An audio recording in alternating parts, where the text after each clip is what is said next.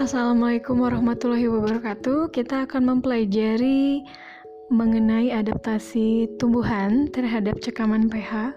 Cekaman pH yang akan dibahas di sini adalah cekaman pH tanah.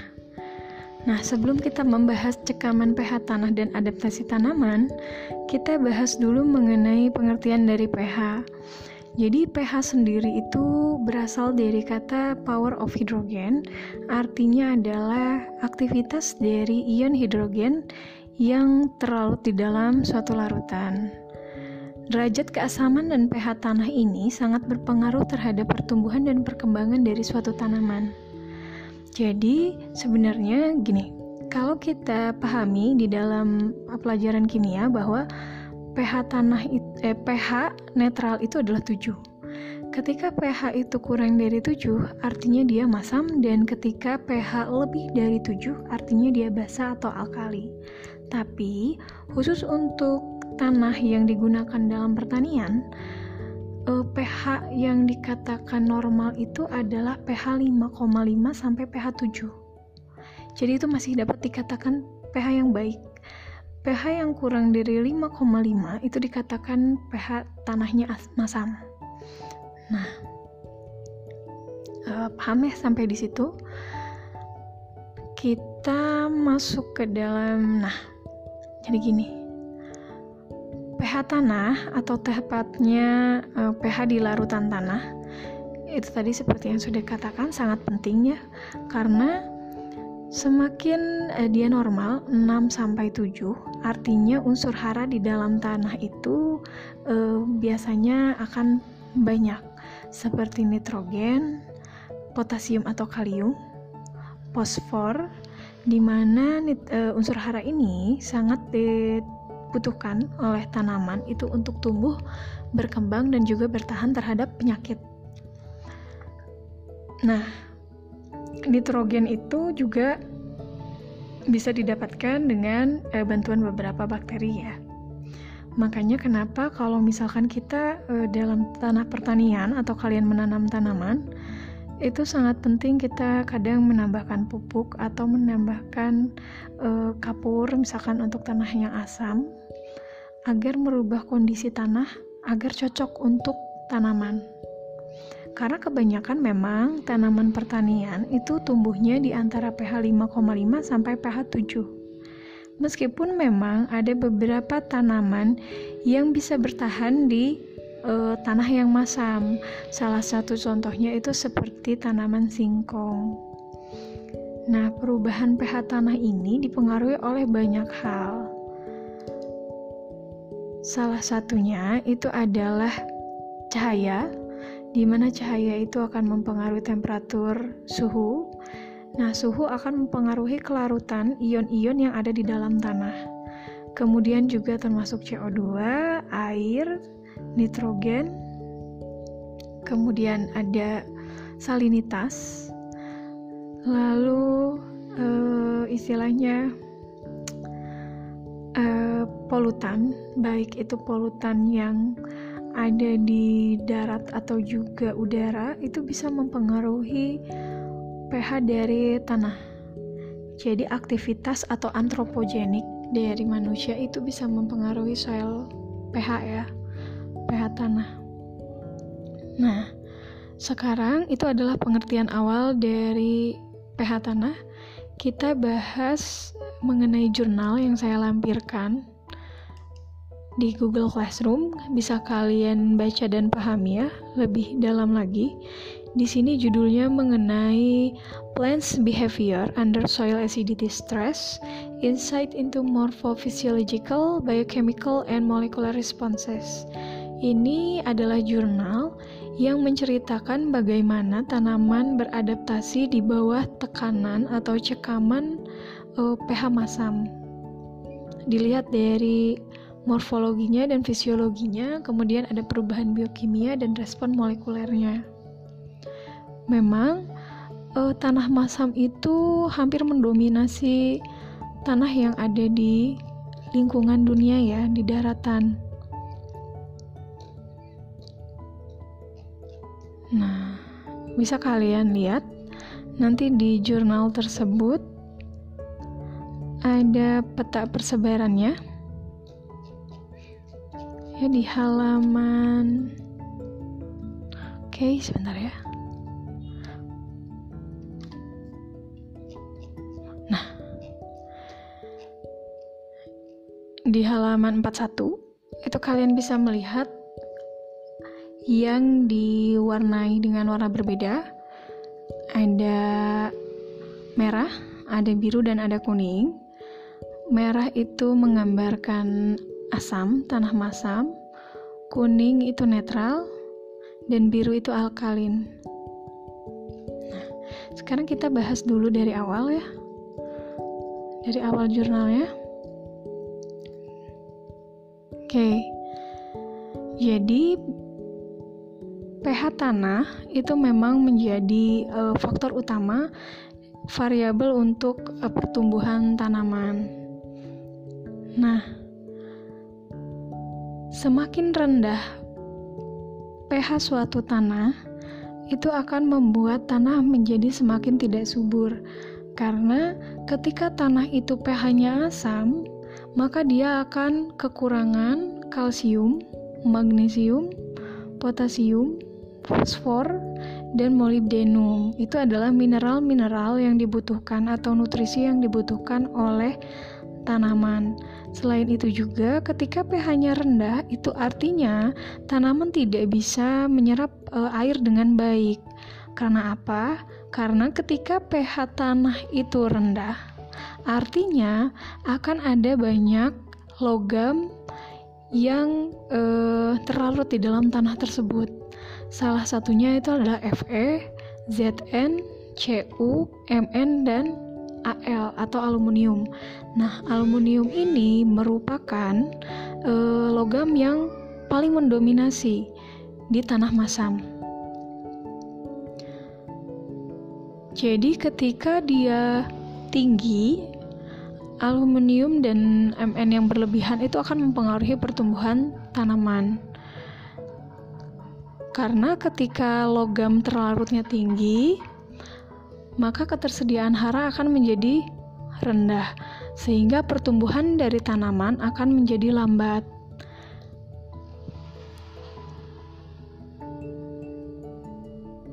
Selain itu juga, tingginya aluminium pada bagian tanah lapisan atas, seperti misalkan ada jenis-jenis tanah. Ada oksisol, ultisol, dan inseptisol itu akan menyebabkan buruknya perkembangan akar karena akar tidak dapat tumbuh menembus lapisan tersebut. Jadi AL itu akan mengikat uh, sel-sel apex uh, pada akar sehingga akar itu akan mengalami istilahnya gagal pembelahan selnya sehingga akar tidak bisa tumbuh dengan baik. Sehingga akibatnya tanaman mudah mengalami cekaman air, pertumbuhannya terhambat, dan biomasa yang dihasilkan itu menjadi rendah. Misalkan e, harusnya buah yang dihasilkan 2 kilo itu dikarenakan tanahnya masam, buahnya menjadi kecil, sehingga buah yang dihasilkan harusnya 2 kilo hanya jadi misalkan seperempat kilo. Biasanya, mekanisme terjadinya keracunan aluminium dan defisiensi hara lain itu terjadi pada pH rendah, kurang dari 4. Dia karena Al ini akan bersifat racun. Kemudian pada pH kurang dari 5,5, dia akan e, menukar kation tanah yang seharusnya misalkan tumbuhan itu mengabsorpsi kalsium dan magnesium itu akan digantikan oleh aluminium karena aluminium memiliki daya ikat yang lebih tinggi.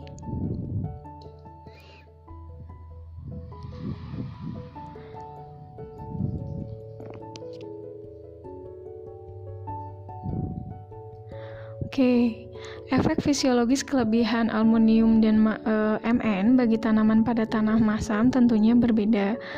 Misalkan pada aluminium, tanaman itu akarnya akan menjadi pendek dan gemuk yang tadi ya terkait pengikatan aluminium terhadap sel-sel apex pada ujung akar. Dia akan mengkerut akibat terhambatnya pemanjauan akar utama dan akar lateral karena dinding dinding sel dari eh, sel-sel uh, akar itu bisa pecah karena adanya aluminium. Nah, sedangkan ketika uh, tanah masam itu kaya akan Mn, itu akan berpengaruh uh, pada pertumbuhan pucuk karena daun muda dari tanaman akan mengkerut dan daun tuanya akan mengalami uh, klorotik yaitu uh, simptom keracunan karena Mn sehingga penyerapan kalsium dan magnesium itu menurun. Nah, seperti yang sebutkan tadi bahwa perakaran tanaman pada tanah masam itu umumnya terbatas ya, jadi akarnya itu tidak akan kuat menembus ke dalam. Dikarenakan pertumbuhan terhambat jadi eh, biasanya juga memang jenis tanah masam itu lebih banyak kerikelnya jadi sehingga eh, pembelahan selnya terhambat. Selain pembelahan sel terhambat ternyata faktor lingkungan tanah masam itu pun juga membuat eh, akar tanaman tidak bisa menembus permukaan tanahnya Kemudian selain itu, hambatan kedua yang sering kali ditemui adanya lapisan beracun pada lapisan tanah bawah. Karena tanahnya mengandung unsur aluminium yang sangat banyak. Lapisan ini tidak bisa kita lihat, tapi bisa kita uji di laboratorium. Jadi memang ya tadi ya salah satu e, intinya kalau tanaman keracunan aluminium itu bisa dikenali dari pengamatan akar. Karena akar adalah bagian tanaman yang langsung terpengaruh. Tapi meskipun begitu, ada juga tanaman-tanaman yang memang tahan terhadap tingginya kadar AL ini. Nah, adapun tanda-tanda morfologi akar tanaman yang mengalami keracunan aluminium itu adalah uh, satu akarnya membesar sehingga garis uh, tengah dari akar itu menjadi lebih besar daripada biasanya, tapi akar menjadi lebih pendek dan kaku seperti kawat. Kemudian akarnya mudah patah yang ketiga, ujung-ujung akar itu membengkak. Dan keempat, akar tanaman tidak dapat berfungsi dengan sempurna dalam menyerap air dan unsur hara. Itu merupakan pengaruh tidak langsung. Lalu bagaimana adaptasi e, tanaman dalam menghadapi stres hara mineral tersebut? Jadi, tanaman itu memang sebenarnya memiliki kemampuan untuk menyesuaikan diri terhadap kekurangan dan kelebihan hara agar tidak terjadi kekurangan ataupun e, kelebihan atau defisiensi atau toksisitas ketika e, memang terlalu beracun. Nah, mekanisme adaptasi tanaman pada tanah masam itu disertai dengan efisiensinya ta, e, tanaman dalam menyerap fosfat. Tanaman yang biasanya toleran terhadap tanah masam ya tadi ya ada singkong, teh, kemudian kacang tanah. Sedangkan tanaman yang peka itu adalah jagung, kacang merah, dan kedelai. Jadi mungkin ini bisa dijadikan sebagai latar belakang kalian ketika kalian akan menguji suatu tanaman terhadap toksisitas uh, tanah masam. Bisa menggunakan tanah uh, tanaman yang toleran dan tanaman yang peka. Ada tiga mekanisme toleransi utama tanaman terhadap keracunan aluminium, yaitu satu, menghindari penyerapan. Jadi dia akan mencoba seminimal mungkin untuk tidak menyerap aluminium tersebut. Kemudian dua itu inaktivasi di akar. Makanya kenapa akarnya jadi rentan untuk kaku eh kaku maksudnya rentan untuk patah. Karena e, sebisa mungkin tumbuhan itu menghindari uh, pembelahan akar atau pertumbuhan akar. Kemudian ada akumulasi di pucuknya. Dia menyerap aluminium, kemudian dia, dia akumulasikan di pucuk. Bahkan di beberapa tanaman dia bisa mengakumulasikan uh, logam-logam beracunnya itu di buah. Makanya akan lebih istilahnya hmm, ini.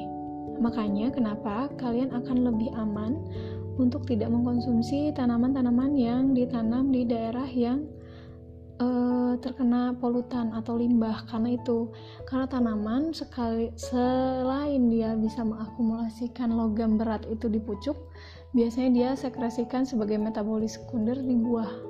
Jadi rentan buahnya itu sudah mengandung logam berat itu untuk kasus lain ya contohnya. Nah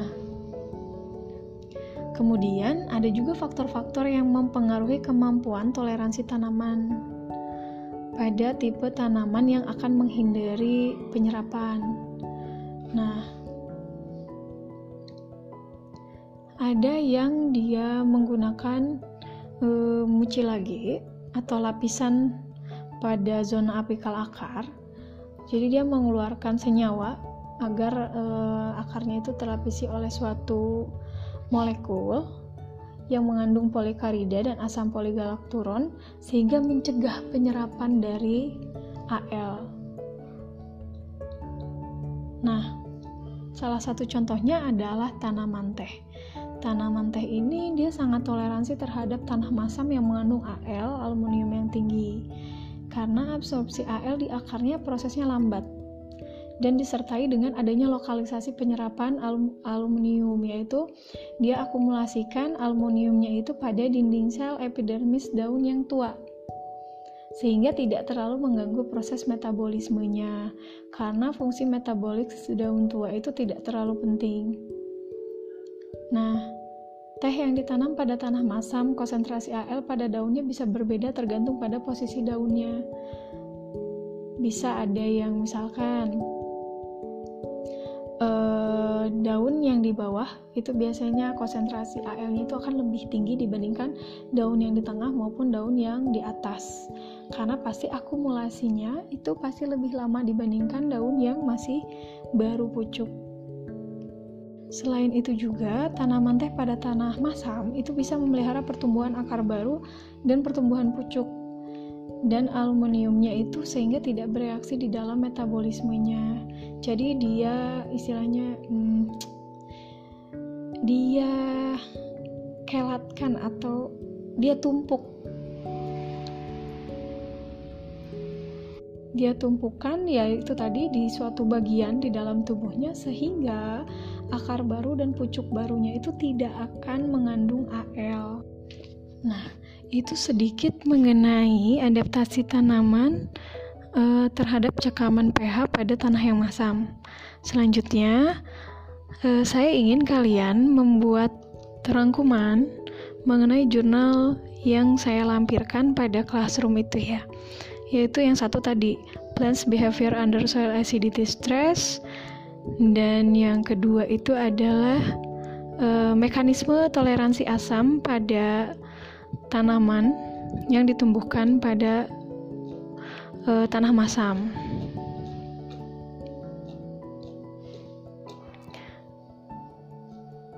Oke, okay. uh, saya akan membahas setelah ini saya akan membahas sedikit mengenai adaptasi tanah eh, tanaman pada tanah yang alkalin.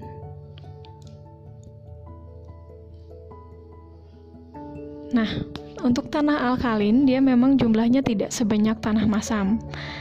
Tanah alkalin ini atau tanah berkapur biasanya merupakan tanah dengan pH tinggi di mana pH-nya itu ada di atas 7, dicirikan oleh kandungan CaCO3 yang tinggi. CaCO3 itu kapur ya.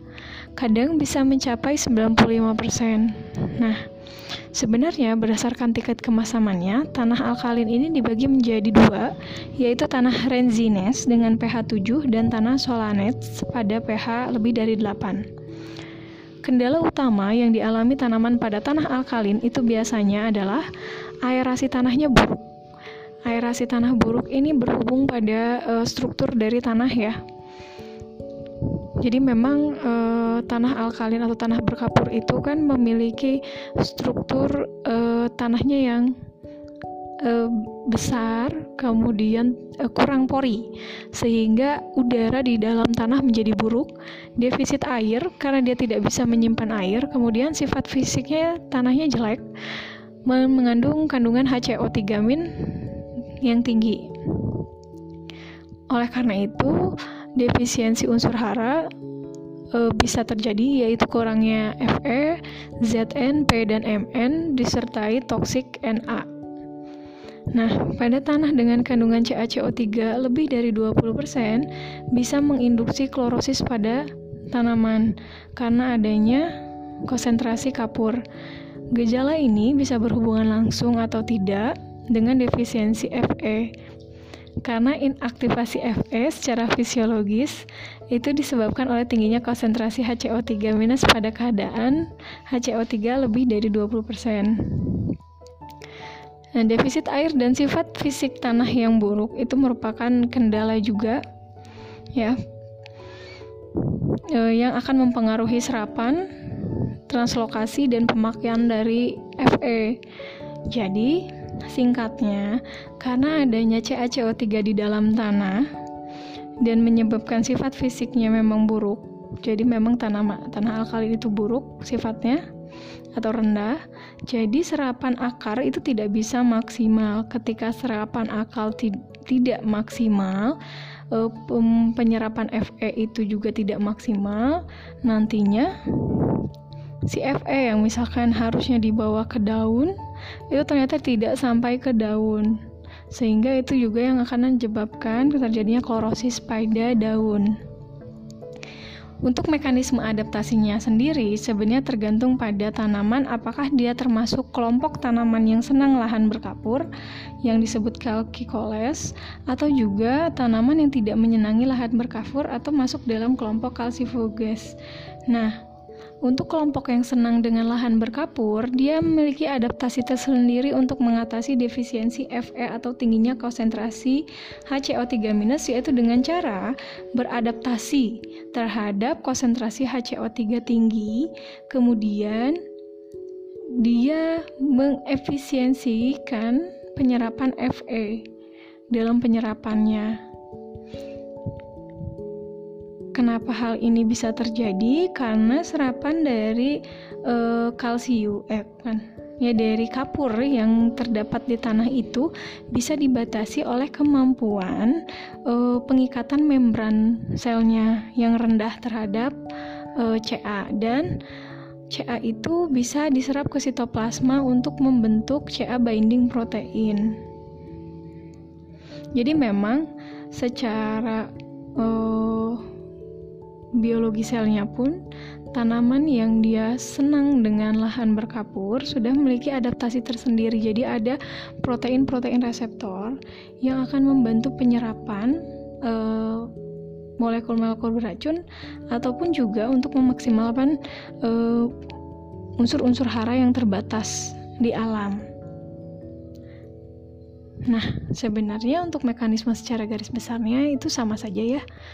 Jadi silahkan dibaca dua jurnal yang saya lampirkan. Silahkan dibuat rangkumannya, dibuat catatannya, dan dikumpulkan dalam link yang eh, saya lampirkan juga di classroom. Oke, jika ada pertanyaan, kita diskusikan di classroom juga. Mohon maaf apabila ada kesalahan. Wabillahi taufiq wal hidayah. Wassalamualaikum warahmatullahi wabarakatuh.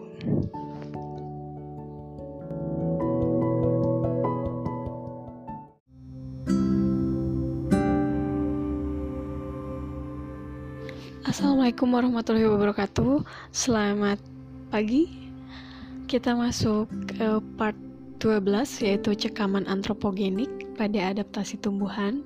Jadi bagaimana uh, tumbuhan itu beradaptasi terhadap uh, cekaman antropogenik. Hmm, sebenarnya untuk cekaman antropogenik ini dasarnya itu sudah kalian pelajari pada bab-bab sebelumnya karena memang uh, kita pahami bahwa cekaman antropogenik adalah cekaman yang terjadi diakibatkan karena adanya limbah yang dihasilkan oleh kegiatan manusia. Kegiatan manusia itu banyak, bisa industri, bisa pertanian, bisa peternakan, atau bahkan juga limbah-limbah domestik.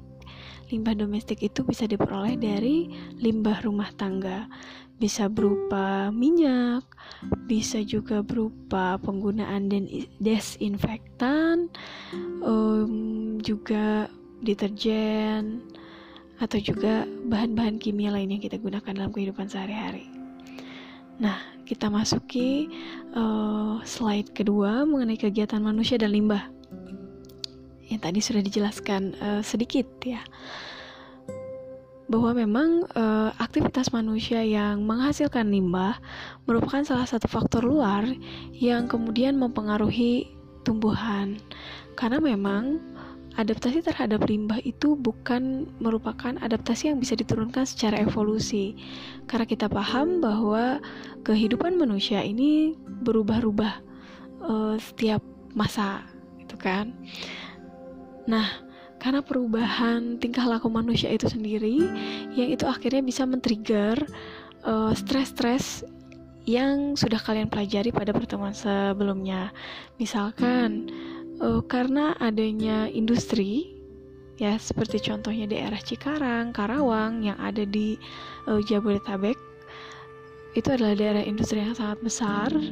Sehingga uh, kalau misalkan kita melihat lingkungan pada masa sebelum corona, kita bisa melihat bahwa uh, kita bahkan tidak bisa melihat awan ya yang berwarna biru, misalnya langit warna biru, dikarenakan uh, limbah atau polusi udara yang dikeluarkan oleh hasil industri itu sangat pekat.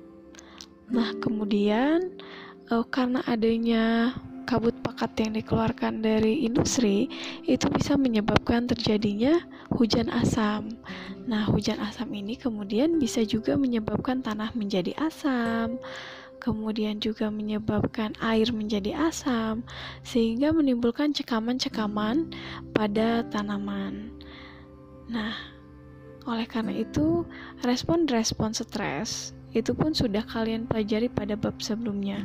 Kita akan membahas uh, di bab sini sekarang kita akan membahas efek dari limbah selain uh, polutan yang sudah kita jelaskan pada pertemuan uh, udara ya. Nah, Kemudian, nah ya tadi ya, aktivitas antropogenik poin 4 pada slide kedua sering kali memicu stres pH, toksisitas gas, kemudian juga salinitas, suhu, juga cahaya ataupun merubah interaksi antar organisme. Yang pernah dijelaskan di bab toksisitas uh, gas ya di mana adanya senyawa-senyawa volatil di udara kemudian membuat tanaman beradaptasi dan membuat pengenalan sinyal pada serangga itu berubah. Nah, bisa dilihat pada slide ketiga, itu adalah gambar siklus polusi global kita bisa melihat ada bagian source. Source itu adalah sumber dari pencemaran.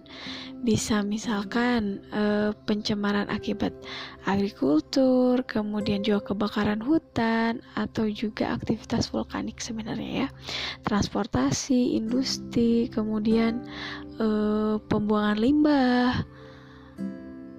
Kemudian pencemaran-pencemaran di tanah Nah, kemudian ada gambar transport atau transformasinya yang bisa dibawa oleh air, bisa juga dibawa oleh cahaya, bisa juga disebabkan karena adanya penguapan udara. Nah, kemudian ada removal yang warna biru segitiga terbalik itu.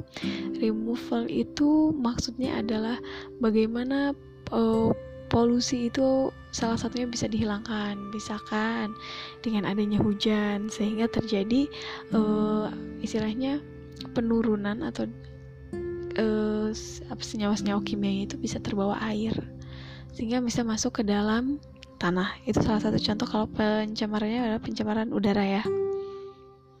Nah, yang dipengaruhi tentu banyak ya ada kegiatan manusia, kemudian juga ada juga laut atau perairan yang tercemar atau juga bahkan e, tanah dan juga lahan-lahan pertanian.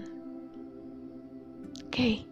Nah, di slide keempat di sini tadi kan kita sudah melihat bahwa adanya polusi global. Nah, polusi global itu tentu akhirnya menimbulkan suatu yang namanya stres tadi stres itu bisa ada dua ya. Yang waktu kalian pelajari sebelum-sebelumnya itu ada beberapa stres yang memang terjadi secara alami, kemudian ada juga stres antropogenik. Nah, stres alami itu ada yang disebabkan karena diserang patogen, misalkan diserang parasit, diserang serangga, kemudian ada yang defisiensi unsur hara, kekurangan air atau kelebihan air sehingga terendam atau juga kekeringan. Kemudian temperatur ekstrim disebabkan perubahan cuaca atau juga radiasi. Nah, kemudian ada stres-stres antropogenik akibat dari aktivitas manusia. Bisa kalian lihat ya, ada pestisida, kemudian ada pencemaran logam berat, polusi-polusi udara termasuk ozon yang menyebabkan terjadi pengasaman baik itu di tanah, air, juga menyebabkan terjadinya uh, tingkat apa sih uh, peningkatan tingkat uh, matahari sinar UV. Nah, termasuk juga mineral defisiensi. Nah, tentunya interaksi stres uh, dengan tanaman itu pada akhirnya bisa menyebabkan uh, terjadi dua, yaitu apakah satu tanaman itu bisa beradaptasi dan bertahan hidup, atau dua itu menyebabkan kematian. Nah, ini untuk lebih jelasnya, ini pada slide kelima merupakan daftar stres uh, yang terjadi secara natural atau alami yang di alam. Bisa kalian baca ya di situ. Ada radiasi tinggi, misalkan dikarenakan uh, musim panas sehingga terjadi fotoinhibisi atau pemaparan cahaya yang terlalu tinggi sehingga tidak bisa dilakukan fotosintesis oleh tanaman. Kemudian juga ada pembekuan embun mendadak atau lambat.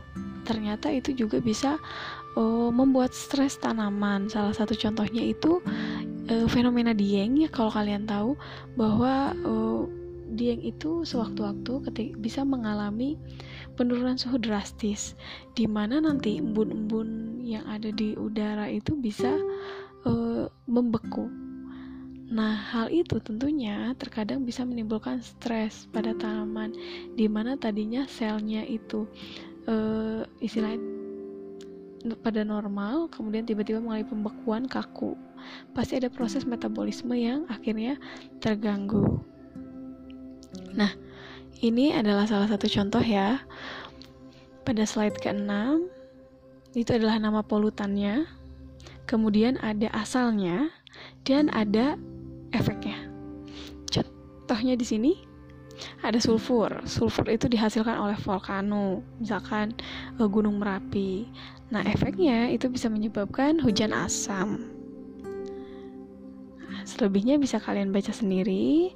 Nah, di slide ketujuh, ini adalah beberapa faktor stres antropogenik yang disebabkan oleh aktivitas manusia. Nah, ada herbisida, pestisida, fungisida. Ini adalah uh, desinfektan yang sering digunakan pada lahan pertanian. Kemudian juga ada polutan udara yang kita pelajari pada bab toksisitas gas. Kemudian tentunya ada pembentukan spesies oksigen reaktif yang diakibatkan dari uh, stres-stres yang terjadi. Nah, kemudian tadi ada hujan asam, kabut asam, bun pagi yang asam, pH asam. Ini adalah hasil-hasil yang disebabkan oleh industri biasanya. Nah, kemudian kekurangan mineral tanah di mana tanah itu digunakan misalkan uh, untuk pertambangan atau juga sering disebabkan oleh hujan asam karena hujan asam bisa mendegradasi mineral di dalam tanah. Kayak misalkan pertambangan timah ya, sehingga mineral tanahnya hilang diakibatkan karena paparan dari uh, merkuri. Kemudian ada juga kelebihan pasokan nitrogen dan lain sebagainya. Nah, di slide ke-8 kalian bisa melihat contoh yang sama dengan slide ke-6. Ada sumber dari antropiknya, dari apa asal muasal e, limbahnya, polutannya, dan industrinya, jenisnya, kemudian juga efeknya. ini lebih banyaknya contoh memang polusi gas ya jadi memang keberadaan polutan itu bisa mempersempit batas toleransi tanaman karena bisa mengurangi uh, resistensi tanaman terhadap faktor alam. Jadi uh, tanaman itu kan memang dia harus beradaptasi terhadap perubahan alam atau lingkungannya secara natural. Tapi ketika ada limbah tambahan dari aktivitas antropogenik tentunya beban metabolismenya akan bertambah di mana itu akan mengurangi toleransi tanaman. Sama halnya seperti contohnya kalau kita kena covid nih ya kita punya penyakit bawaan. Ketika kita punya penyakit bawaan artinya sistem imun kita itu sudah bekerja berusaha bekerja maksimal untuk mengatasi penyakit bawaan tersebut. Dan ketika ada covid atau virus yang masuk ke dalam tubuh kita, kemudian kita positif, tentunya imun tubuh yang sudah bekerja lebih banyak pada penyakit sebelumnya itu harus e, ditambahi kerjaan yang baru. Sehingga tentunya imunnya akan semakin turun. Ya ibarat kalau kalian dikasih tugas banyak, jadi tidak bisa fokus mengerjakan satu tugas. Itu adalah salah satu contohnya. Nah, efek polutan e, tentunya ini berbeda-beda pada setiap tanaman meskipun polutannya sama dan konsentrasinya sama, tergantung pada kondisi lingkungan.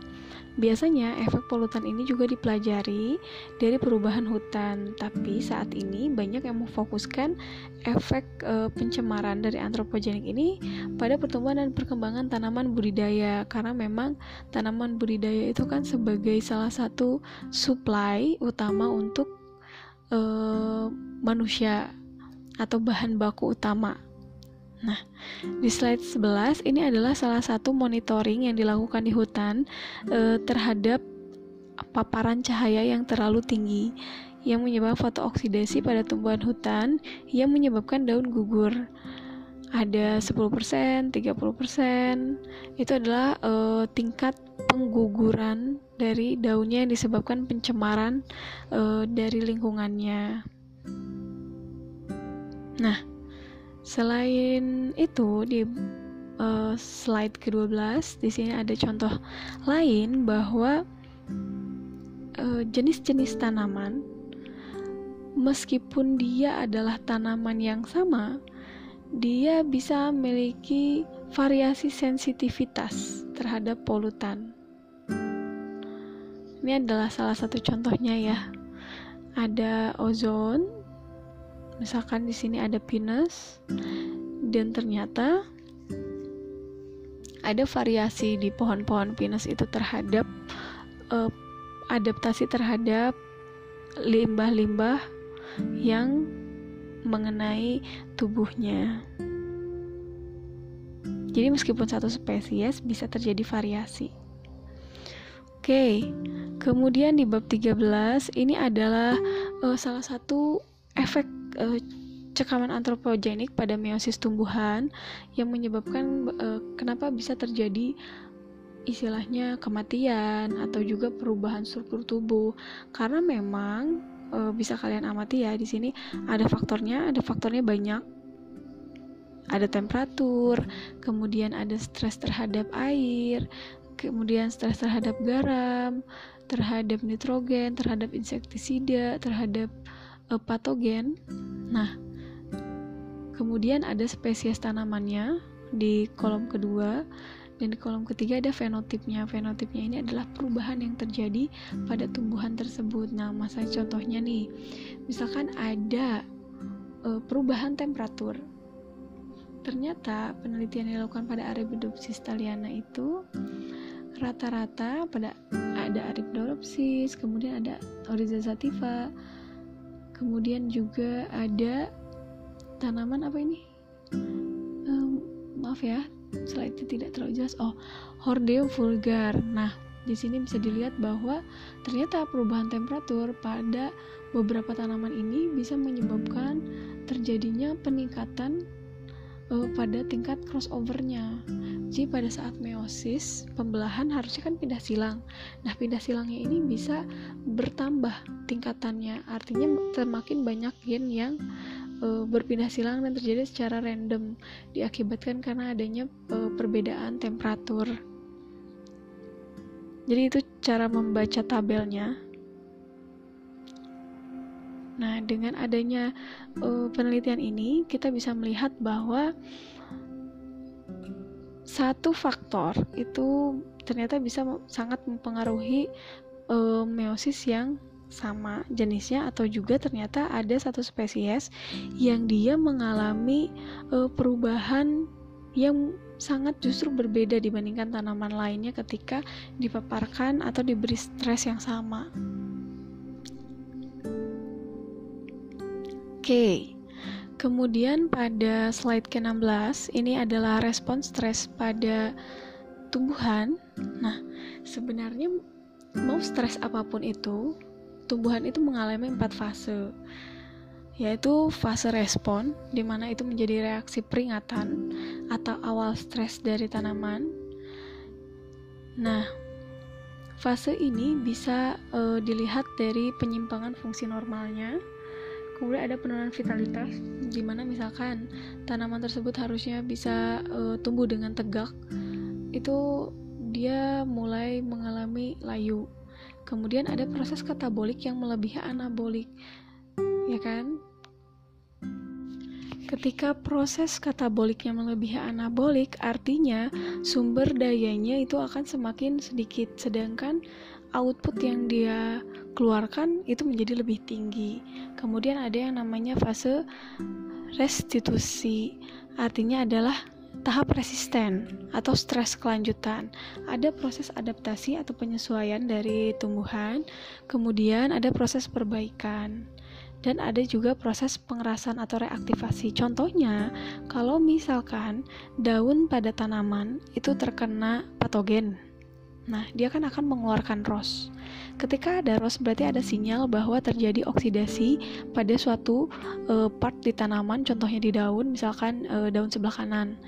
Nah, artinya memang pada awalnya akan terjadi penyimpangan fungsi normal dan penurunan vitalitas tentunya di daun sebelah kanan tersebut. Tapi pada saat fase restitusi dia mengenali bahwa itu ada ROS, kemudian juga ada patogen, dia akan menuju proses adaptasi jika dia tumbuhannya kuat. Nah, kemudian dia akan mematikan sel-sel sel yang ada di sekitar ros tersebut atau daerah yang e, diserang oleh patogen tersebut. Nah, sel-selnya tersebut dimatikan dan dikeraskan. Kenapa? Itu dilakukan untuk mencegah agar uh, apa istilahnya patogen tersebut tidak menular ke sel lainnya karena memang kalau tanaman ini kan dia hubungannya uh, satu sel satu sel gitu makanya jangan heran kalau kalian melihat uh, tanaman yang terkena patogen atau kemudian dia terkena paparan cahaya tinggi itu adaptasinya itu lebih terlihat seperti bercak-bercak putih di daunnya. Sebenarnya itu adalah proses pertahanan diri dari tanaman agar sel lainnya itu tidak ikut mati. Nah, kemudian ada fase akhir atau tahap kelelahan stres jangka panjang. Ini terjadi jika memang intensitas stresnya itu terlalu tinggi dan melebihi kapasitas adaptasi dari tumbuhan tersebut, sehingga tanaman tersebut bisa memiliki penyakit kronis yang menyebabkan kematian. Biasanya, salah satunya yang paling uh, sering menyerang tanaman budidaya itu adalah fusarium atau uh, atau layu akar. Nah, kalau sudah terkena itu, biasanya tanamannya akan relatif uh, cenderung lebih mudah mati. Kemudian ada fase regenerasi. Regenerasi fungsi fisiologis bisa sebagian atau sepenuhnya. Ini ketika stresornya bisa dihilangkan dan kerusakannya tidak terlalu tinggi. Tapi jika kerusakannya terlalu tinggi dan dia sudah tidak mampu beradaptasi, biasanya mati memang. Nah, Kemudian di 18 ini adalah sebenarnya skema secara garis besar mengenai pensinyalan e, transduksi dari stres yang mengarah pada respon metabolik dan ekspresi gen serta respon tanaman yang didukung stres. Jadi contohnya gini. stres-stres tanaman itu ada ini sebenarnya kalau ini ditam, dibedakan ya biotik itu patogennya nah ada yang terjadi secara alami, ada yang terjadi secara antropogenik, dan kemudian ada yang biotik atau patogen. Nah, mereka ini merupakan sinyal-sinyal eksternal yang kemudian ketika mereka masuk ke dalam tanaman, tanaman akan menerima uh, sinyal tersebut dan kemudian akan diteruskan. Diteruskannya apakah nanti akan menjadi uh, apa sih istilahnya? Mengeluarkan gen yang berfungsi uh, sebagai imunitasnya sehingga terjadi ekspresi apakah ekspresinya tinggi atau rendah atau juga respon metabolit. Misalkan kalau misalkan ekspresi gennya tinggi itu uh, gen-gennya merupakan gen-gen yang mempertahankan diri atau menghasilkan protein-protein yang bisa uh, memutus ikatan kimia dari senyawa-senyawa yang masuk atau juga dia bisa menyerang atau mengeluarkan senyawa yang uh, tidak disukai oleh patogen.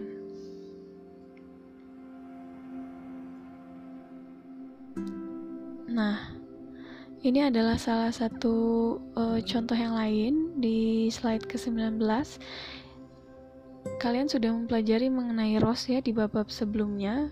Ini sebenarnya hanya garis besar, uh, ibaratnya uh, rangkuman uh, dari semua cekaman yang sudah terjadi. Karena antropogenik ini memang seperti hulunya, karena uh, perbagiannya itu sudah dijelaskan pada bab-bab sebelumnya. Nah, ini yang tadi sudah dikatakan bahwa memang stres pada tanaman akhirnya menentukan apakah dia akan bertahan atau juga dia akan uh, mati. Nah, ini yang ada gambar daunnya pada slide ke-21 skema aliran energi foton dan disipasi dalam daun tanaman yang dimodifikasi. Ini sebenarnya adalah uh, salah satu contoh perhitungan yang bisa dilihat ketika tanaman diserang oleh polutan atau juga herbisida atau juga terjadinya ROS atau juga adanya radiasi UVA sama UVB dan stres cahaya yang tinggi atau kekeringan bisa diamati dari fisiologi daunnya dengan cara pengamatan spektrofotometri. Nah, spektrofotometrinya itu bisa diamati dari uh, klorofil hijau, kemudian bisa diamati dari klorofil hijau merah. Eh, sorry, biru biru hijau maksud saya. Kemudian juga dari emisi panas yang dikeluarkan dari daun, kemudian juga dari fosfor yang dikeluarkan dari daun. Jadi memang ada alat khusus yang bisa mengukur stres pada daun. Kalau tidak salah di Unila ada. Nah kemudian juga bisa dari spektrum yang dipantulkan. Nah kita lanjut dulu. Itu tadi adalah salah satu respon stres dan bagaimana cara mengamatinya. Nah kita bahas mengenai herbisida. Jadi memang yang belum dibahas di pertemuan sebelum-sebelumnya salah satunya adalah herbisida ya. Nah, herbisida, pestisida atau juga fungisida itu sebenarnya umumnya digunakan untuk tentunya mengontrol hama. Nah, kalau untuk herbisida itu untuk gulma. Jadi sebenarnya mekanisme actionnya untuk herbisida, pestisida sama fungisida itu sama aja. Nah, herbisida itu spesifik kerjanya. Ada juga yang memang spektrum luas atau juga spektrumnya yang kecil. Spektrum kecil itu artinya dia spesifik. Misalkan dia herbisida yang uh, memang digunakan untuk melumpuhkan daun atau juga dia untuk melumpuhkan akar atau juga untuk keduanya. Tapi ada juga yang dia spektrum luas. Spektrum luas itu artinya dia bisa menyerang berbagai jenis tanaman. Nah Herbisida ini merupakan senyawa molekul kimia yang memang bisa e, berpenetrasi ke dalam tubuh tanaman. Karena dia bisa mengikuti e, jalur air dalam tubuh tanaman. Atau juga dia bisa e, masuk lewat sel. Tergantung jenis dari herbisidanya.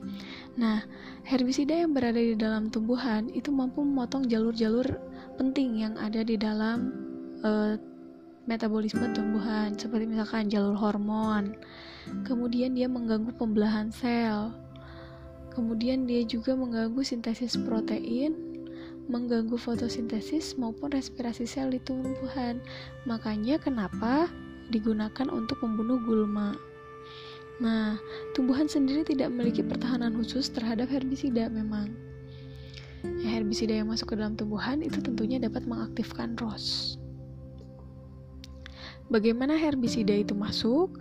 Itu sebenarnya tergantung dari jenis tumbuhannya.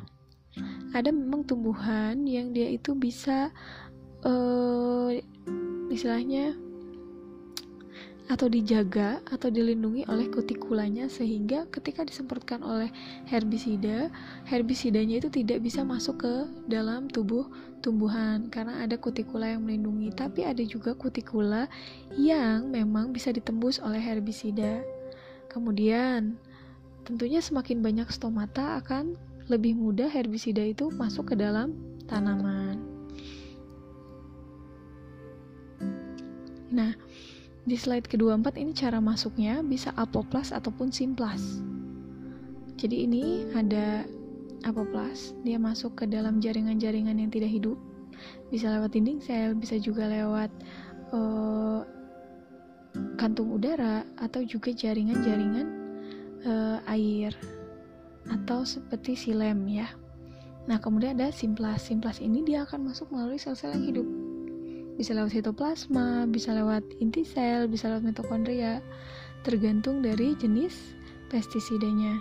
Nah, kemudian ini ada di slide 25. Ini merupakan interaksi herbisida dengan fungsi dan struktur dari sel tanaman.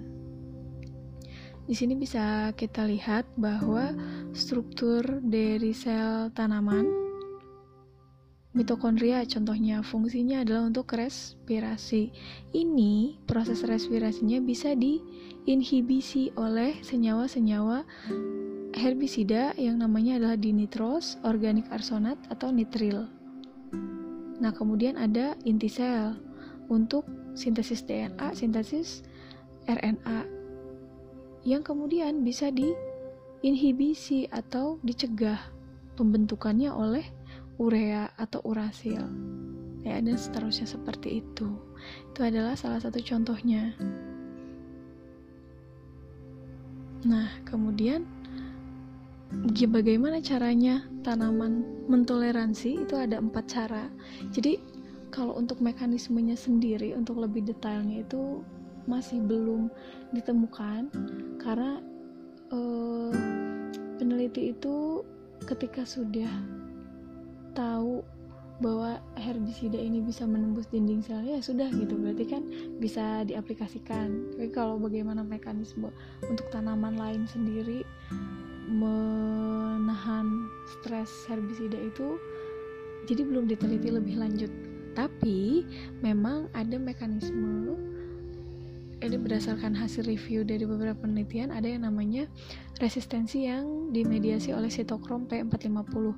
Sitokrom P450 ini memang merupakan salah satu gen yang berperan dalam keadaan stres.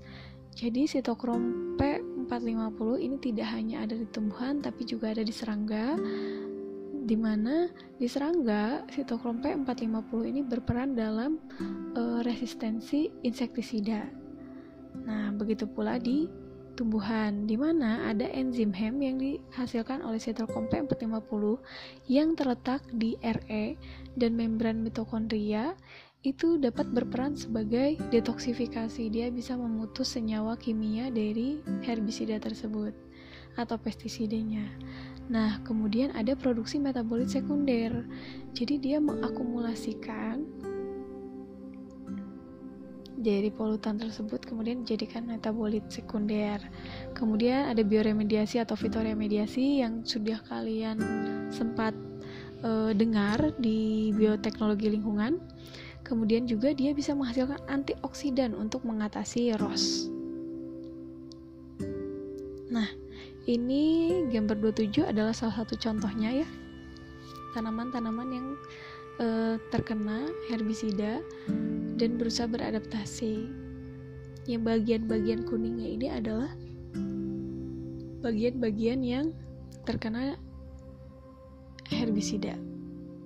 Oke. Nah, di slide 28 ini saya hanya akan menambahkan sedikit ya karena kalian sudah peroleh di bioteknologi lingkungan. Nah, jadi salah satu mekanisme yang paling penting dalam menanggulangi polutan di dalam tubuhnya itu adalah dengan e, remediasi. Itu adalah salah satu upaya adaptasi tumbuhan yang kemudian akhirnya dipelajari oleh banyak orang dan bisa diaplikasikan di lingkungan. Nah, remediasi sendiri termasuk cara tumbuhan dalam menekan resiko efek dari herbisida atau pestisida. Pada slide kedua 9, ini adalah tipe dari fitoremediasi ada 5 fitoekstraksi, rizofiltrasi, fitostabilisasi, fitodegradasi, dan fitovolatisasi di mana semua itu dimulai dari uh, uptake atau pengambilan kontaminan dari akar. Nah, kemudian kontaminannya itu ada yang disimpan di akar, ada yang diteruskan ke daun, kemudian ke daun apakah nanti jadi buah, metabolit sekunder atau juga menjadi uh, gas-gas volatil. Nah, pada tabel 30 dan 31 ini adalah mekanisme yang diadopsi oleh tanaman untuk meremediasi uh, tanah yang terkontaminasi logam-logam berat. Nah, salah satu contoh ini ada tanaman namanya adalah Silen vulgaris. Dia meremediasi dengan kemampuan fitostabilisasi. Fitostabilisasi di mana mekanismenya ini dia akan mengikat protein dengan oksidasi oksalat. Aktivitasnya di dalam dinding sel yang kemudian akan mengakumulasinya di dinding sel sebagai silikat. Silika fitostabilisasi ya kalau fitostabilisasi itu artinya dia akan menghentikan pergerakan dari kontaminan itu ya tadi. Melalui absorpsi akumulasi bisa pengendapan dalam zona akar lebih tepatnya di dinding sel. Nah yang selanjutnya bisa kalian eh, baca lagi di slide 30 dan 31 oke? okay? Uh, untuk cekaman antropogenik cukup sampai di sini. Apabila ada kesalahan, saya mohon maaf. Wabillahi taufiq wal hidayah. Wassalamualaikum warahmatullahi wabarakatuh.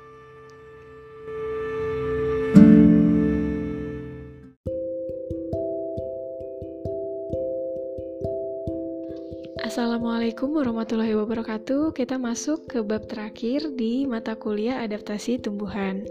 Bab terakhir ini akan membahas adaptasi tumbuhan terhadap interaksi antar organisme. Adapun capaian pembelajaran yang diharapkan dari bab ini adalah mahasiswa diharapkan mampu menggambarkan interaksi antar organisme yang meliputi kompetisi, predasi dan parasitisme, asosiasi dan alelopati, serta mampu memberikan contoh bentuk interaksi antar organisme yang meliputi kompetisi, predasi dan parasitisme, asosiasi dan alelopati. Kita masuk ke slide ketiga. Di sini menggambarkan mengenai keanekaragaman spesies yang ada di muka bumi, di mana sekitar 500 ribu dari spesies yang sudah ditemukan itu didominasi oleh tanaman atau alga, dan 350 ribunya merupakan tumbuhan berbunga. Oke, okay. sebelum kita membahas bagaimana interaksi tumbuhan terhadap uh, organisme lainnya, kita pahami bahwa tumbuhan sendiri merupakan produsen primer yang menjadi dasar di rantai makanan. Kenapa? Karena dia dapat mengambil nutrisi dari tanah menggunakan akarnya, kemudian dia mampu menghasilkan energi sendiri dengan menggunakan fotosintesis. Selain dia dapat menghasilkan energi untuk dirinya sendiri, energi yang dihasilkannya dapat menjadi sumber energi untuk makhluk hidup lainnya. Oleh karena itu, tumbuhan bisa berkompetisi baik dengan jenisnya sendiri ataupun juga dengan tanaman jenis lainnya. Kemudian, dia juga mampu bekerja sama, misalkan dengan melakukan hubungan timbal balik atau simbiosis dengan mikroorganisme yang ada di lingkungannya untuk meningkatkan ketercapaian atau keberhasilan dalam pengambilan nutrisi. Kemudian, karena dia mampu menghasilkan energi, dia dapat dikonsumsi oleh herbivora dan patogen. Oleh karena itu, tipe interaksinya dapat kita lihat di slide ke-6. Ada yang namanya interaksi timbal balik, yaitu simbiosis. Kemudian ada uh, interaksi pertahanan melawan patogen dan hama. Kemudian ada interaksi kompetitif dan kooperatif dengan tumbuhan lain, serta sebenarnya ada interaksi sendiri antara tumbuhan dan manusia. Karena kita sendiri menggunakan tanaman, itu tidak hanya untuk makanan tapi juga untuk obat-obatan.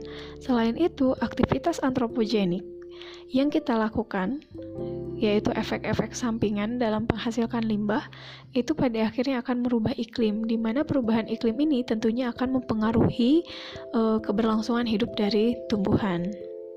Oke, selanjutnya kita pertama akan membahas mengenai interaksi timbal balik.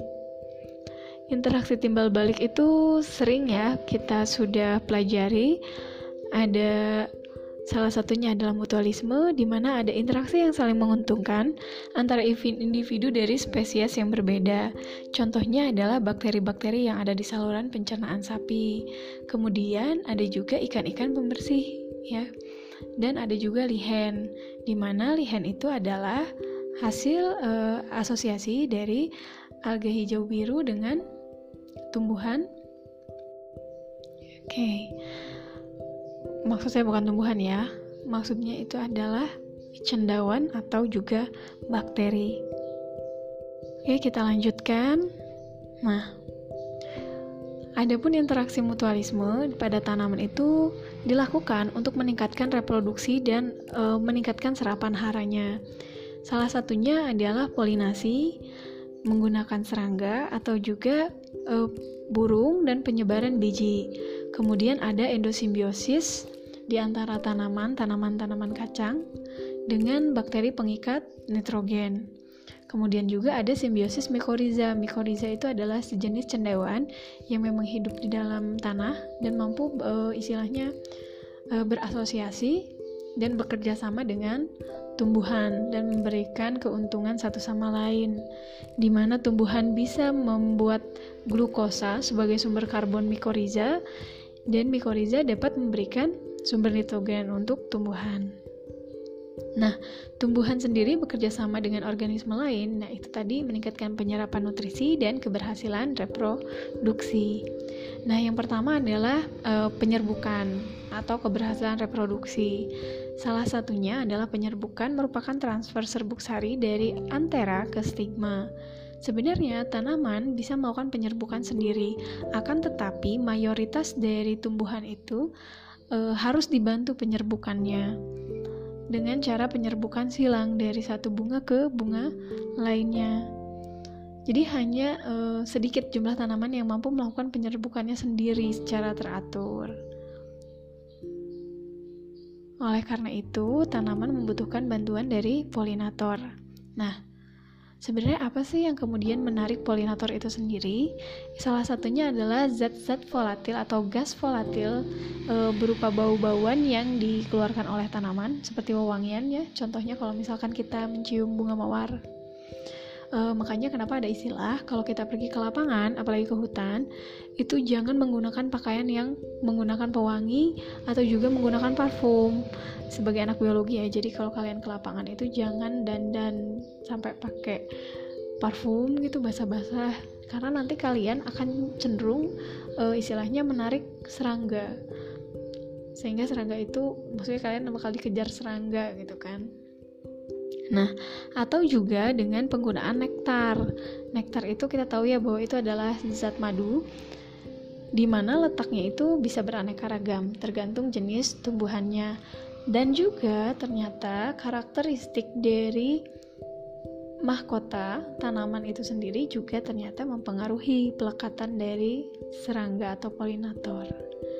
Selain itu juga warna, kemudian bentuk dan motif dari bunga itu menjadi salah satu uh, atraktan untuk polinator. Nah,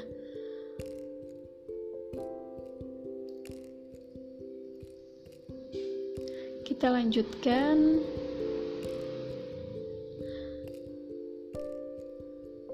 Jadi ya, beberapa tanaman e, memang diserbuki oleh angin, tapi lainnya itu diserbuki oleh hewan. Tanaman yang biasanya diserbuki oleh angin itu adalah jenis tanaman yang memang menghasilkan serbuk sari dalam jumlah yang besar. Contohnya adalah Garia elliptica yang ada di dalam gambar ini. Penyerbuk hewan itu termasuk lebah, tawon, kumbang, ngengat, lalat, kupu-kupu, burung kolibri, kelelawar, dan juga kadal.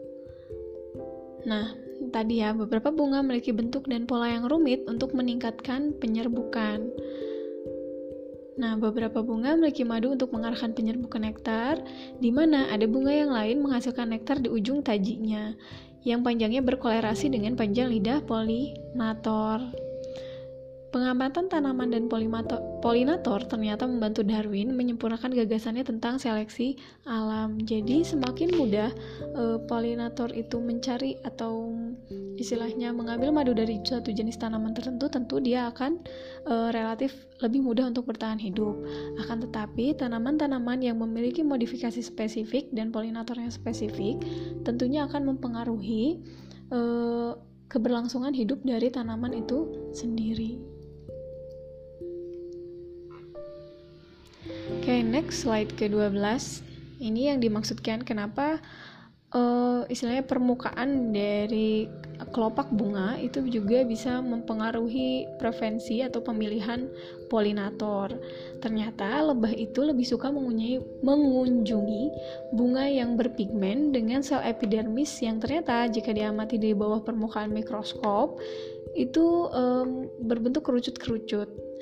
Nah, kemungkinan permukaan e, dari mahkota bunga yang berbentuk kerucut itu atau kasar membantu lebah untuk mencengkeram bunga dengan kakinya.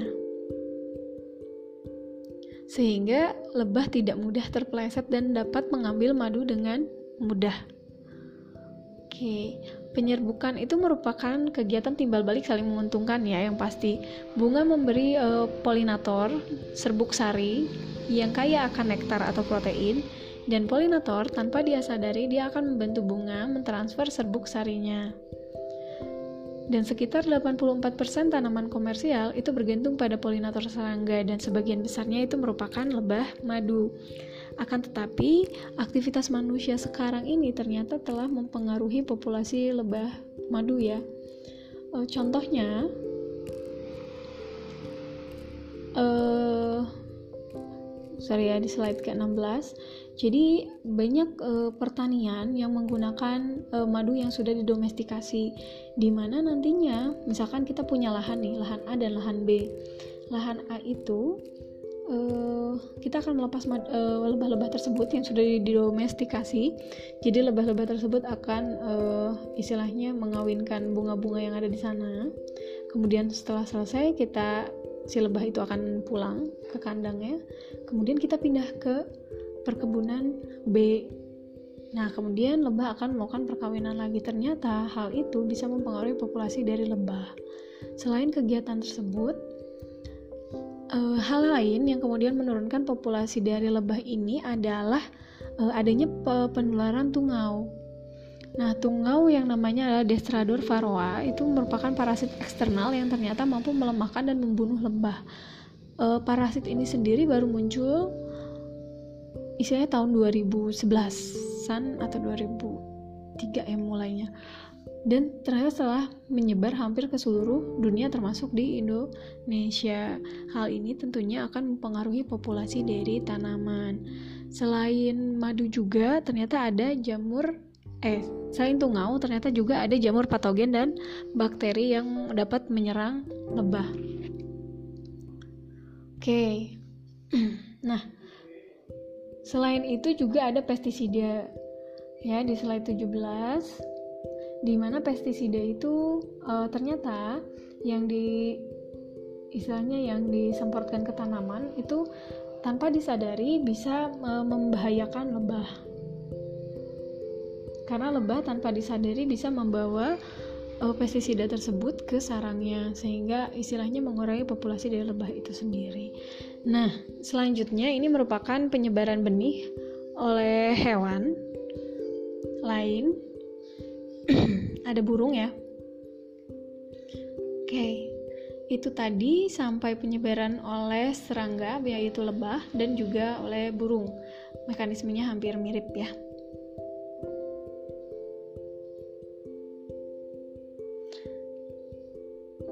Oke, kita lanjutkan uh, di slide ke-15.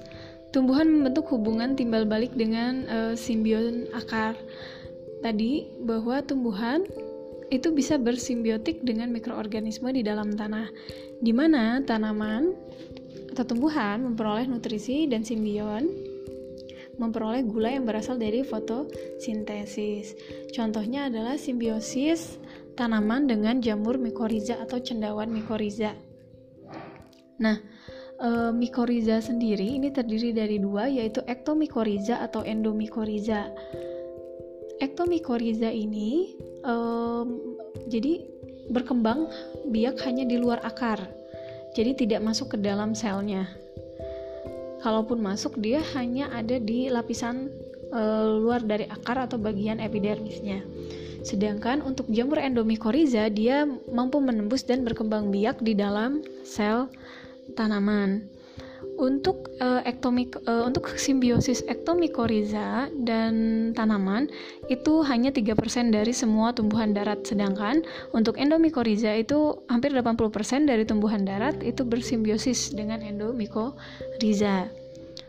Nah, salah satu contohnya jamur ektomikoriza yang biasa ditemukan di hutan dan berasosiasi dengan pohon. Ini salah satu contohnya adalah e, jamur beracun Amanita muscaria yang bisa kita lihat di hutan e, di sekitaran pohon pinus atau juga e, truffle gourmet atau truffle yang biasa digunakan dalam masakan ya yang jamurnya mahal dan hanya bisa ditemukan oleh babi. Nah, ini adalah contoh-contoh jamur ektomikoriza yang membantu tanaman untuk memperoleh nutrisi. Jamur ektomikoriza sendiri ini membentuk jaringan di sekitar akar ya, tidak menembus di dalam sel. Bisa kalian lihat uh, sendiri gambarnya. Oke, kemudian ada yang namanya uh, mikoriza arbuskular yang masuk sel tanaman dan membentuk struktur seperti uh, pohon. Ini untuk endomikoriza. Jadi cendawan ini memperoleh gula hasil fotosintesis tentu dan tumbuhan memperoleh nitrogen dan fosfor dari tanah yang dibawa oleh cendawan tersebut. Ini disebut uh, mikoriza arbuskular karena dia bisa berkelok-kelok ya, masuk dan seperti membentuk pohon di dalam tubuh tanaman uh, dan dia ini karena dia berkelok-kelok dia mampu menyediakan area permukaan yang luas untuk pertukaran nutrisi simbiosis tanaman sendiri dengan endomikoriza itu bisa uh, terjadi ini ya uh, selama 400 juta tahun. Salah satu contohnya ditemukannya fosil uh, dari endomikoriza yang berusia 400 juta tahun di dalam sel tumbuhan dan ditemukan dalam fosil tanaman. Nah, mikoriza arbuskular ini berasosiasi yang tadi ya hingga 80% dari tumbuhan darat atau yang kita sebut endomikoriza. Ini merupakan simbiosis uh, yang penting bagi tanaman untuk memantapkan diri uh, agar bisa hidup di lingkungan darat karena adanya peningkatan serapan hara dan juga air dan dia dapat membantu suksesi tanaman atau adaptasi tanaman dalam e, membuat suatu lingkungan baru atau e, pionir. Nah, selain itu, itu tadi ya dengan mikoriza, ada juga simbiosis akar nodul. Bisa dilihat gambarnya, ini adalah nodul akar Medicago italica yang diinokulasi dengan Sinorizibium e, meliloti. Nah, uh, kenapa sih pada akhirnya ini menjadi sangat penting karena membutuhkan simbiosis karena nitrogen itu sangat melimpah tapi nitrogen sendiri tidak dapat diikat uh, secara langsung oleh tanaman jadi kan memang komposisi atmosfer uh, nitrogen itu sampai 78% di mana oksigen saja hanya 21% akan tetapi, bentuk nitrogen bebas di udara itu berbentuk N2, di mana dia memiliki ikatan rangkap tiga, yang menyatukan kedua atom. Nah, ikatan rangkap tiga inilah yang membuat tanaman tidak bisa mengikat nitrogen, sehingga dalam tanda kutip nitrogen itu harus diperbaiki. Dan ikatan rangkap tiga ini diputus agar bisa diikat oleh uh, tumbuhan. Sedangkan uh, reaksi fiksasi nitrogen ini sendiri membutuhkan input energi yang tentunya sangat tinggi. Nah, fiksasi nitrogen sendiri sebenarnya oleh perusahaan pupuk itu bisa dilakukan. Jadi itu melakukan fiksasi non biologis. Jadi melalui proses industri akan tetapi ini sangat costly atau membutuhkan dana yang sangat besar karena energinya e, itu dibutuhkan sangat banyak untuk istilahnya dalam tanda kutip tadi ya membetulkan ikatan nitrogen agar bisa diikat oleh tanaman. Nah, nitrogen yang sudah di fiksasi tersebut kemudian dapat digunakan untuk menyuburkan tanaman yang biasa kita ketahui dalam bentuk pupuk.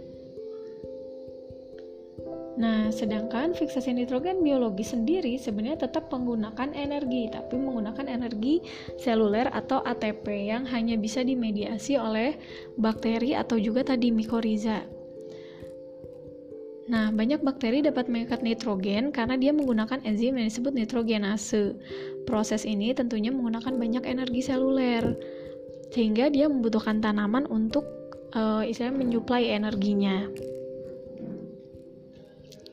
Oke, bisa dilihat di sini.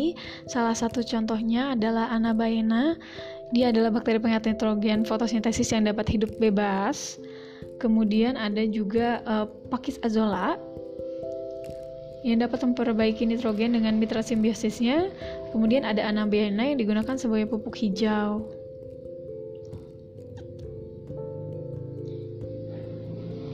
E, kemudian di slide 30 ini merupakan contoh-contohnya.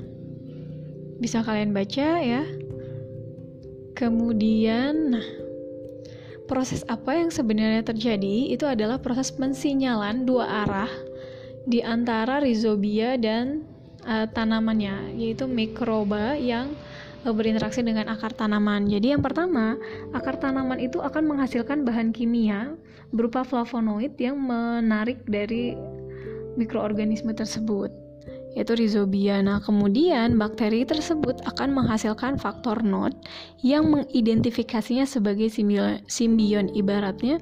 Jadi si akar tanaman ini seperti memberi panggilan kepada uh, bakteri tersebut. Kemudian bakteri yang memperoleh panggilan tersebut akan memberikan respon balik bahwa misalkan uh, nih si tanamannya uh, saya udah siap eh saya butuh kamu nih. Nah kemudian nanti si bakterinya akan bilang kalau misalkan dia siap untuk berinteraksi nanti tanaman sendiri akan bersiap untuk membentuk struktur nodul simbiotik.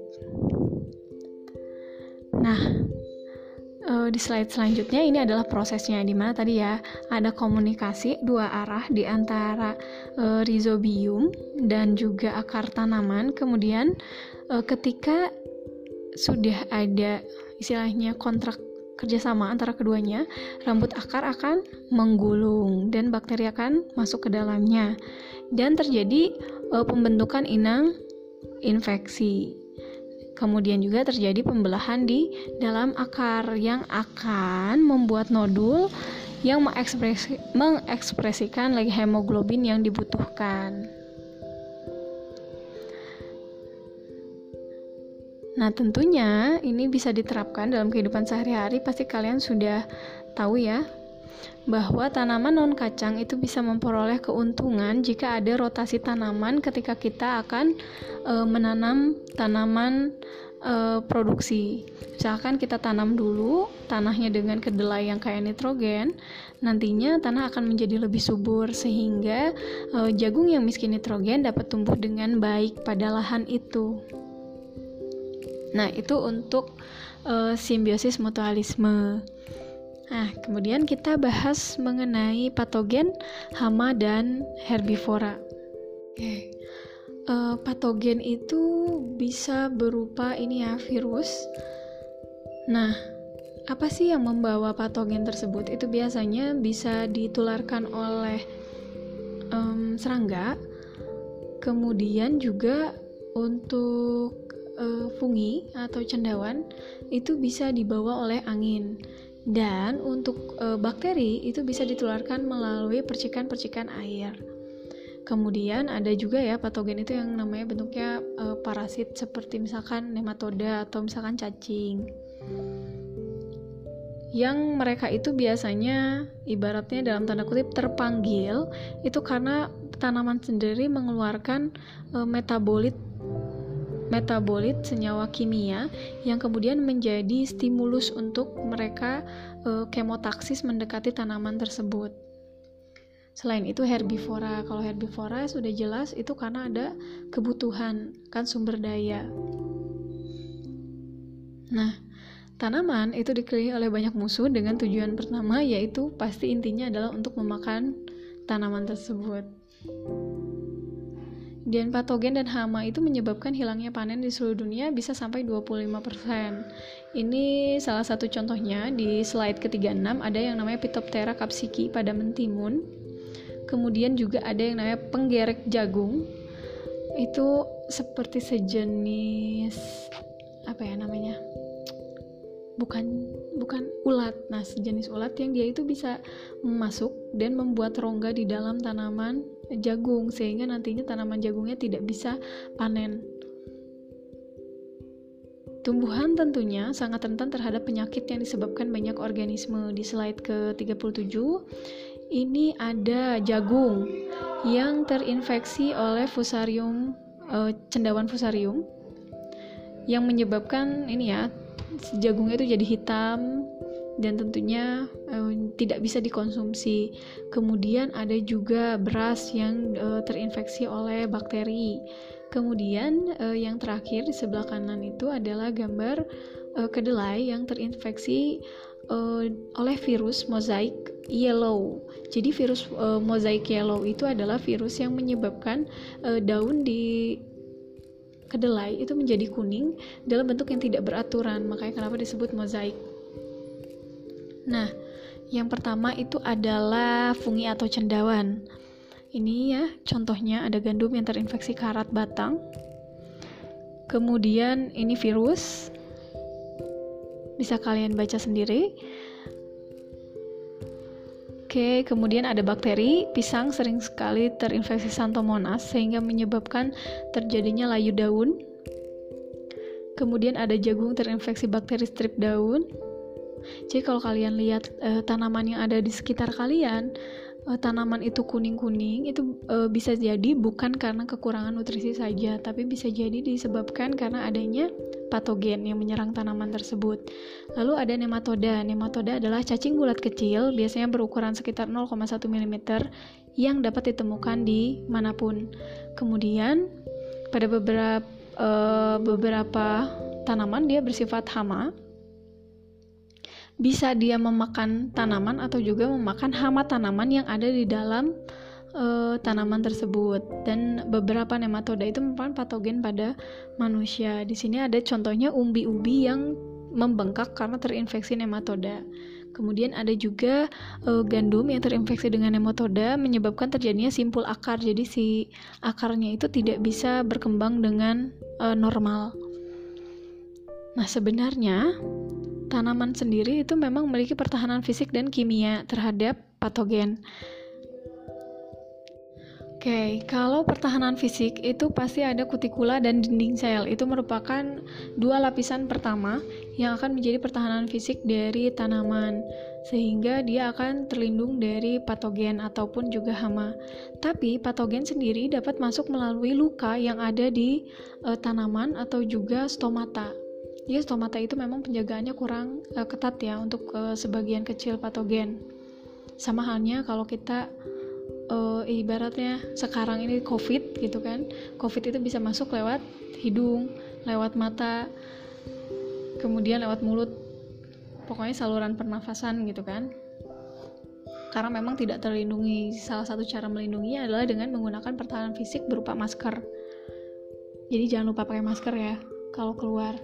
Nah, sama halnya dengan tanaman. Meskipun demikian, dia memiliki pertahanan kimia, yaitu senyawa-senyawa antimikroba. Senyawanya ini banyak, tergantung dari jenis spesiesnya. dan tergantung dia diproduksi di bagian mana dan apakah dia ini inducible atau tidak maksudnya dapat terinduksi atau tidak nah salah satu contohnya ada terpenoid terpenoid ini banyak jenisnya ya ada flavonoid ada saponin ada diterpen tergantung jenis tanamannya nah Selain itu, beberapa tanaman dia sudah membawa gen ketahanan terhadap patogen tertentu. Ini salah satu contohnya adalah tanaman tomat, di mana tomat di sebelah kanan membawa gen R yang memberikan resistensi terhadap bakteri patogen Pseudomonas syringae. Yang kanan, makanya kenapa dia bisa berkembang lebih besar, sedangkan yang satu dia itu rentan terhadap Pseudomonas sehingga dia mati. Nah, serangga sendiri itu memakan daun, bunga, biji, dan akar dan dapat menyebabkan penyakit ya yang tadi kan kita hmm, nematoda patogen. Nah, ini kita oh, bicarakan sedikit tentang serangga. Tapi tadi, tumbuhan memiliki senjata pertahanan fisik dan kimia terhadap herbivora. Salah satu contohnya adalah duri. Yang duri ini bisa dihasilkan oleh trikoma. Ingat ya waktu waktu SPT, kalian sudah mempelajari bahwa trikoma itu ada trikoma glandular, kemudian juga ada trikoma yang bisa mensekretkan zat-zat metabolit sekunder yang dimaksudkan untuk mempertahankan diri terhadap herbivora. Ada juga trikoma yang lengket. Nah, nantinya si serangganya itu bisa terjebak di lapisan-lapisan daun tanaman jika dia trikomanya memiliki struktur yang khas. Nah, banyak banyak sekali sebenarnya dari bahan-bahan kimia yang dikeluarkan oleh tumbuhan itu menjadi berguna untuk manusia, dapat digunakan untuk minuman atau juga untuk obat-obatan. Salah satunya itu adalah opium. Popi atau tanaman popi yang menjadi sumber morfin ya. Jadi morfin itu di tanaman itu sebagai uh, senyawa kimia pelindung tanaman tersebut dari herbivora sebenarnya. Akan tetapi ternyata bisa dimanfaatkan oleh manusia itu dalam bidang pengobatan. Misalkan untuk anestesi. Nah, ada juga serangga karnivor yang dapat membantu menghilangkan hama serangga herbivor pada tanaman. Ini adalah salah satu bentuk interaksi lagi, di mana biasanya serangga karnivora ini tertarik pada bau yang dihasilkan oleh serangan dari serangga herbivora, dan beberapa petani itu bahkan menggunakannya untuk melindungi tanaman mereka. Itu untuk interaksi antara tadi ya, ada patogen, hama, dan juga herbivora.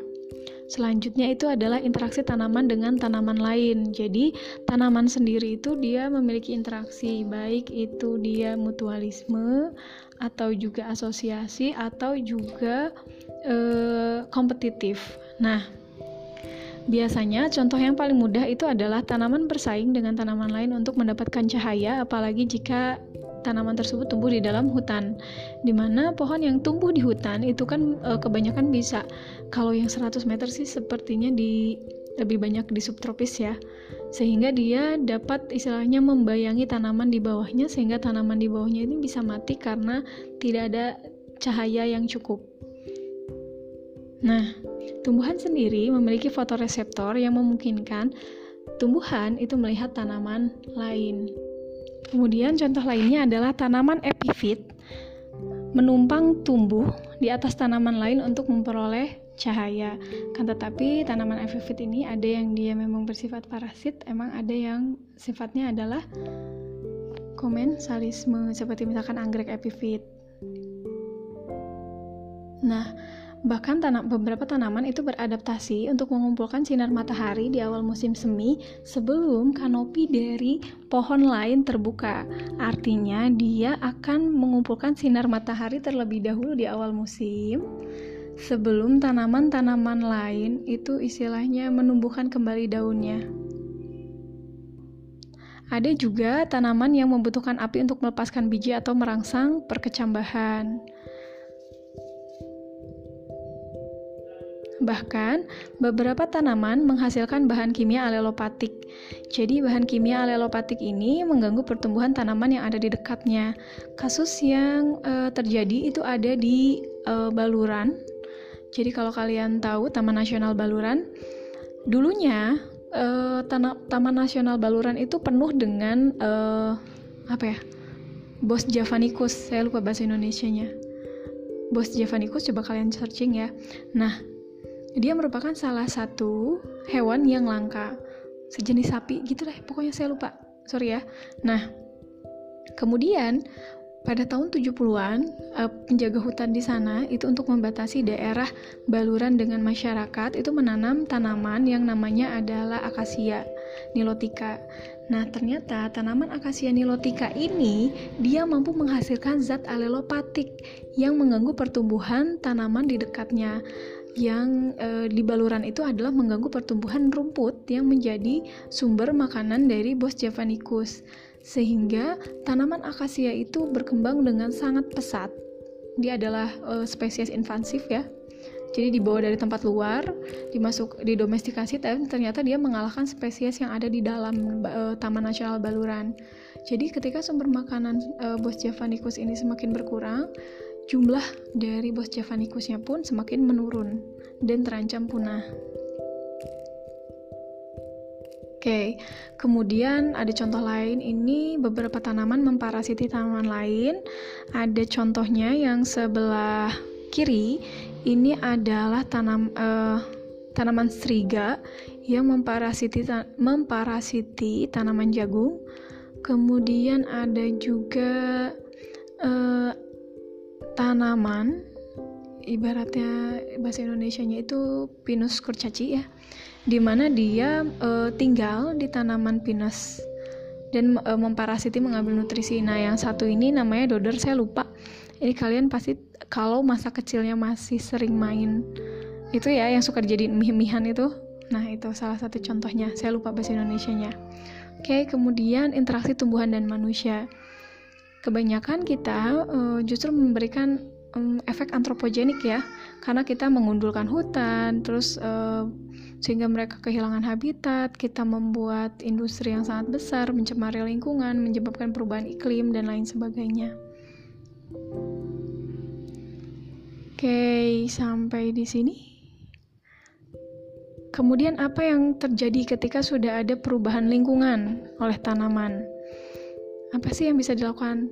Mereka hanya bisa melakukan cara bermigrasi yang kemudian dibantu oleh burung atau juga uh, serangga polinator atau juga berkecambah atau mekar lebih awal atau yang terakhir tentunya adalah mati yang ten, uh, yang bisa berakhir pada kepunahan dan perubahan iklim ini sendiri mempengaruhi interaksi tanaman dengan uh, partner-partnernya seperti meningkatkan kerentanan terhadap patogen dan hama juga menyebabkan lebah kehilangan sinkronisasi dengan tanaman karena ada perubahan e, metabolisme di dalam tanaman menyebabkan lebah tidak bisa mengenali tanaman tersebut. Kemudian peningkatan kompetisi spesies invasif yang terjadi di Taman Nasional Baluran. Ke, dan ada juga destabilisasi simbiotik antara tanaman dengan mikroorganisme tanah. Oke, sekian mengenai bab interaksi tumbuhan dengan organisme. Sebenarnya sangat banyak ya kalau kita mau bahas lebih lanjut. Oke, jika ada pertanyaan, silahkan dilampirkan di Google Classroom seperti biasa. Mohon maaf apabila ada kesalahan. Wabillahi taufiq wal hidayah. Wassalamualaikum warahmatullahi wabarakatuh. Thank you.